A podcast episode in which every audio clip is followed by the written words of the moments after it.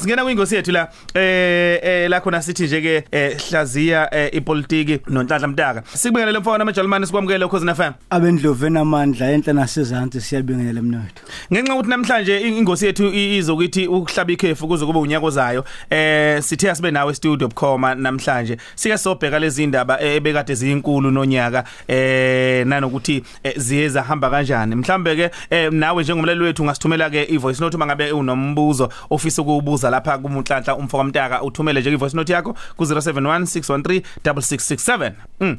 Eh a- a- ake sibheke ipolitiki ya South Africa eh mfoka kona maJalimani eh ukuthi i- yonkana nje ungathi benjani kulonyaka. lona kube unyaka obelikhuni kakhulu kosopolitiki bakithi kanjalo nohulumeni ngoba ziningi izinto eyingahambanga njengoba kuhleliwe maningi amaqiniso eh, avelile naphoqa ukuthi inhlelo ebezikhona noma izifiso ebezikhona zithi ukulungiswa ngoba ngeke isahamba ngaleyo ndlela isibonelo sesingakusho nje ukuthi leli phupho eh, le planning commission elalithi ngom 2030 Mm. kuzobe kunezinto ezithize seyiguqubukile sesingasho ukuthi eh, sekungenzeka ukuthi kungabi njalo Mm. eh ngasohlangothini lomnotho ngasohlangothini lokukhula kwabantu. Eh okunye sikubonile ucwaningo luveza isithombe esiyinkinga. Eh okufuneke sibe nabaholi angikusho lokho ngeshwa abakabe bikho eh kufuneka sibe nabaholi abakwazi ukusebenza ngocwaningo ngamafuphi. Uma kunocwaningo bakwazi ukuluhumusha ukuze bahlele kangcono. eh isibonelo nje ngiye nganenhlanhla yokubuka eh, ama IDP loluhlelo kuthiwa lididiyelwe lapha kohulumeni eh, bendawo. Yebo. cishe yonke iningizimu Afrika iningi labo alihambi ngokubuka eh i- i- i- i- i research noma ucwaningo olusuke likhona Eh, engibona ngazi ukuthi ke enye inkinga esobhekana nayo ke leyo eminyakeni ezayo ukuthi inhlelo zethu ayihambisani neqiniso ebesingakalibuki ngesikhathi sizenza. Isibonelo nje iningi lomasipala bethu uma sesibuka ngocwaningo lwey'ndawo lunenkinga ukuthi kunohlobo olubili eh, eh, lwabantu manje esingalihlukanisa kabili. Olokuqala lelo kuthiwa i-aging ukuthi bayakhula abantu ey'ndaweni zethu.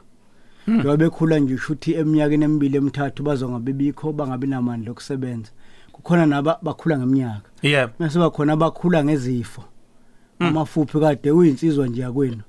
Kodwa sikukhahlaza isifo bese ungabusabi namandla. Mm, yonke leyo nto ke isho ukuthi ipolitiki yethu kufanele iguquke ngoba umnotho wethu ngeke usahamba ngalendlela esiyifisayo. U- u- ubukade sakhuluma la ngendaba ethinta ingcinamba oyibona zikhona nanokuthi abanye abantu sebekhulile ngeminyaka abanye eh, njalo nezifo nazi ithe chithisaka okuzokwenza ukuthi ke manje eh, mhlambe endaweni enjengomasipala nezingqala izinto ezithize zingasebenzi kahle ngokuhamba kwesikhathi njengoba beya bekhula nje. Lelo yiqiniso njengoba uzokwazi ukuthi emhlabeni jikelele ngonyaka ozayo siqe- siphetha lokho kuthiwa noma siqala i- i- i- i- ise ilokho decade entsha Mm. Eh, iyinkinga lezi engithi eh ungabheki eminyangweni kuzwelonke bheka komasipala Mm. ngoba uma inkinga ikomasipala kusho ukuthi lento ekhulunywa leliphupho elikhulunywa ongqongqoshe ngeke lenzeke Mm. lo engikushoyo ngithi kulonyaka sithola amaqiniso amasha ngeningizimu Afrika eh, kakhulukazi ngasohlangothini locwaningo. Okufuneka umasipala nosopolitiki bethu nomphakathi nje eh, uyiqonde futhi uyisebenzise ngoba uma sike sageja umgodi lapho siyolokhu siba namaphupho ezinto engeke zenzeke.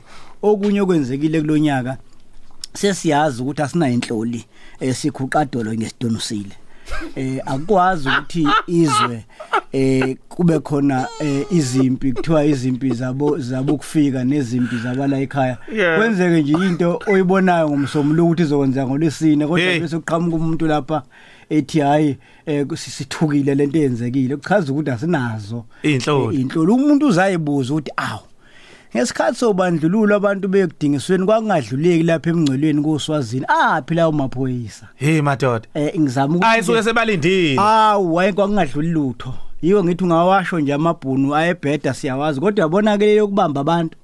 Hawa ungangeni Hey, bakithi. yiko ngibuza ukuthi mina ngabaphi lawo mabhunu ne- nempimpi zabo ngoba phela Hey, zazi bakithi. impimpi lapha kwabohlanga. Mm. kodwa ke kulonyaka sibonile ukuthi hawu sikhuqado lo yesidonisila khulu akho lutho eh kufuneke ke sibuyekeze. eh okunye sikubonile eh ngicabanga ukuthi umengameli eh ubonile ukuthi kuneyingqinamba eyidlulayo ngishangane izifiso ezinhle kanjani? Izifihlo izifiso zakhe zinhle impela kodwa iqiniso lomnotho wendawo umnotho wezwe nomnotho womhlaba kuyasiphikisa kancane njengeNingizimu Afrika njengoba ukweweza umengameli ubeluke zama ukuyosikhongela eh, kubatshali imali kodwa ukhonga kanjani uno Eskom ungeke umthembe? Mm. eh, uzoyifaka kanjani imali yakho ungazi noma uyobukhona yini? Eh ugesi uEscom usazoba nje iminyaka emibili emithathu. Ngamafuphi lokho kusho ukuthi umnotho wethu ngeke ukwazi eh, ukukhula eh, kuleminyaka esikuyona. Kodwa ke okumqoka kakhulu ukuthi kulonyaka osopolitiki bethu eh kukhona okufuneke bakufunde. Yeah. okokuqala eh ukuthembela kubavoti naku- na- nakuzakhamisi sinohulumeni onamahloni okukhuluma iqiniso kithi. Mm. ukuthi cha bakithi sasithe akusenzeki ziningi kabi into ezinhle zenziwa lo hulumeni Yebo. sengihambe wonke amazwe alikho izwe lenzela amadoda nje amadala nabafazi libenzele u2 room sengihambe lonke umhlaba impela. Kuhle lokho kuyancomeka. Kodwa la umfishane khona lo hulumeni wethu awusethemba ukuthi usitshene ukuthi bakithi esasikuhlelile ngeke kusenzeka ngenxa lezathu. Kuthi mhla sebe abantu sebe sebe- sebe- sebenza eh sebehloba ngehlazo ngoba phela lento yenziwa abantu kuhloba ngehlazo kwembuzi ukuthi uthi u- ufuna ukulwela eh, i- i- i- ilavathi toilet bese uyoshisa umtholampilo. Hey bakithi. hloba ngehlazo nje njengembuzi mm. eh ingakho nje uze uhulumeni sesiphendula ngoba sesihloba ngehlazo. Uhlulwe ukuhlala nathi. Athi bakithi nalo ukhozi likhona siyalilalela thina sibaningi. Yeah. sesingahlulwa nje umengameli noma ungqongqoshazela athi bakithi akusenjengakuqala yiko Yeah. ngithi ke lo nyaka ngicabanga ukuthi osopolitiki bethu abafunda ukusethemba bakhulume lonke iqiniso. Ngabakwethu siyabazi. Mm. siyozwela la kufuneka sizwele khona sibasola basokwena hayi ukuthi abantu eh, bathule nje ukuthi mhla ngoba eh, sekushile. Bese kuthiwa ungqongqosho uzofika azobuka lento naye futhi afika gilimanga afika babazi into ade yazi ukuthi izokwenza Izokwenzeka. Hey bakithi na- nanga umnyulaleli wethu umlaleli wethu lapha mfowethu mntaka simnikeze ithuba. Ah mfokangobe nonongcebo. Bengicela ukubuza lapho wena kubaba lapha na uNhlanhla Mtaka ukuthi ikusasa lika Musi Mayimane ulibona lisekhona kwezepolitiki maybe ukuya phambili kusukela manje njengoba nje athe khumu lapha ku DA ngigcine inhlanganisela kwana ngoma emacheckpost waminya amanzi ngiyabonga amayimani ukube waba lokho kuthiwa inkukhu yomshini uyabona inkukhu esheshe ikhuliswe Mhm. akafika isikhathi sokuthi iqine Yeah. asimaze enhlakeni nangakubo ingakho ngithi ke um- umholi onjalo noma ngabe waliphi iqembu Mm. uma umholi nje manje wasuka wa- wasuka nje la ku1 waya ku10 kuba inkinga ukuthi uma esexakwa izinkulumo lapha ku10 akwazi ukwehlela ku9 ngoba kusafuneka emva Yo. yiko ngithi ngeshwa lakhe. Into asengalung angalungelwa yiyo ukuze naye akwazi ucosha iphalishi ukuthi avule into lokuthiwa iNGO akhulumeke izifiso lezi ukuthi amas abantu baseningizimu Afrika bafisane. Kulungile lokho aku- aku- avese aku- aku- aku- wonke umuntu angakhuluma nje. Kufana nokuyovulela isonto lakho umuntu uyayivulela nje aqhubeka acosha iphalishi.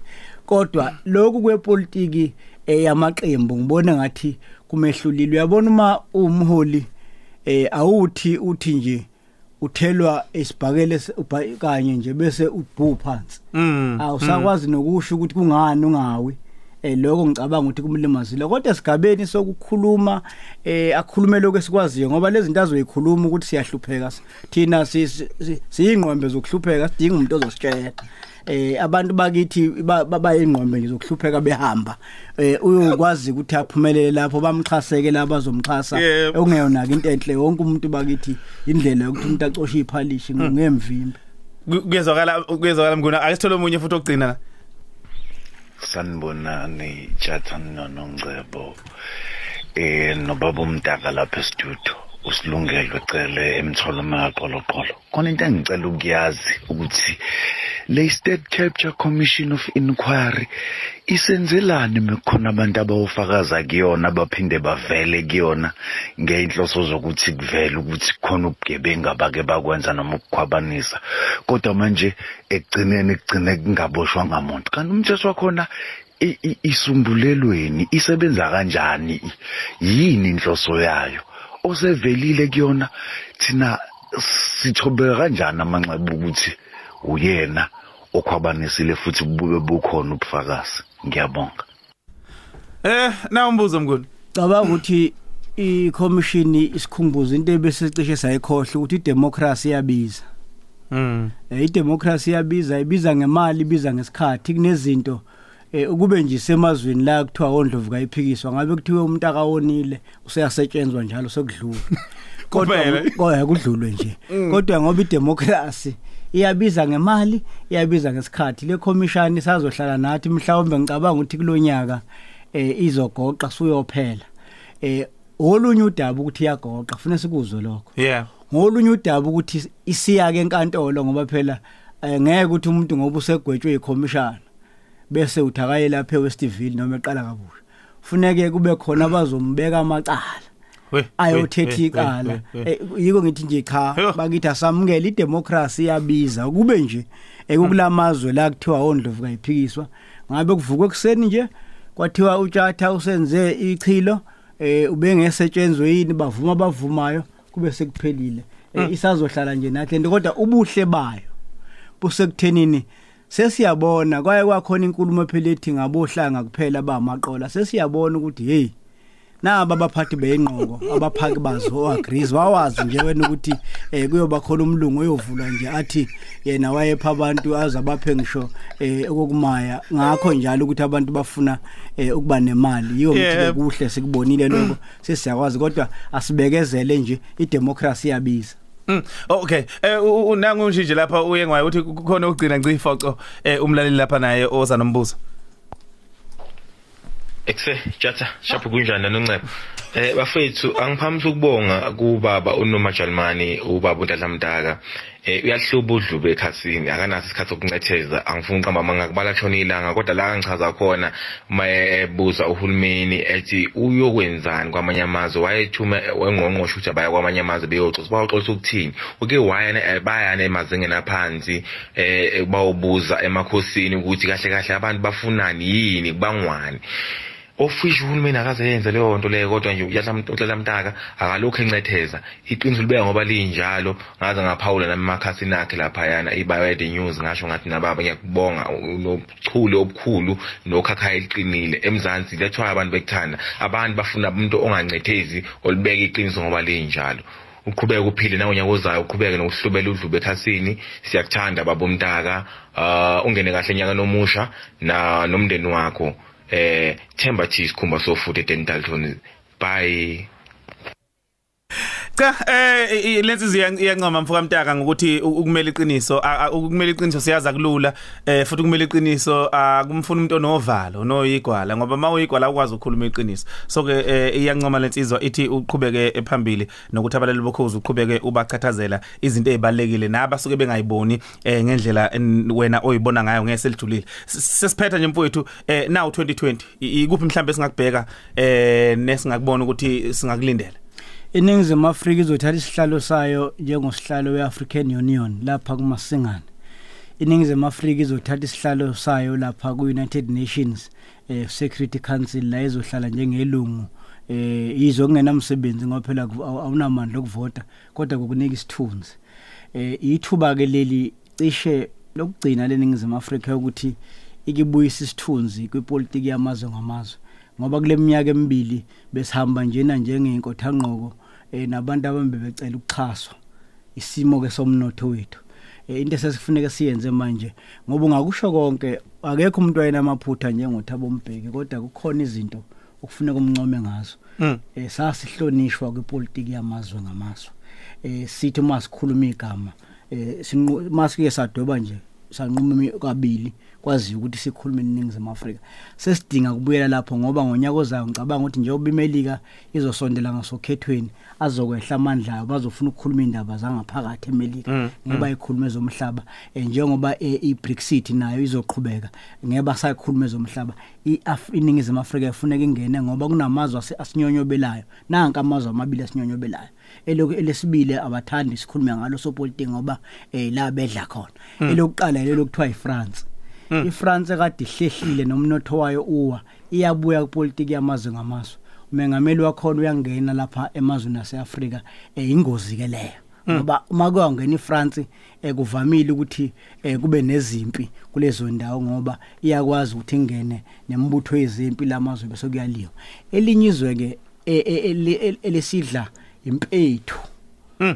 leli kuthiwa yishayina. Mm. eh amashayina ngiyazi bakithi niyawathandani nomlando nawo nithasi asivikela mhla sicindezelwe. Kulungile kodwa hey ingozi ezayo. Ilethu umnotho wethu uzothathwa amashayina. Eh amashayina aphuma inqina athi akuhanjwe kuyonke amazwe omhlaba.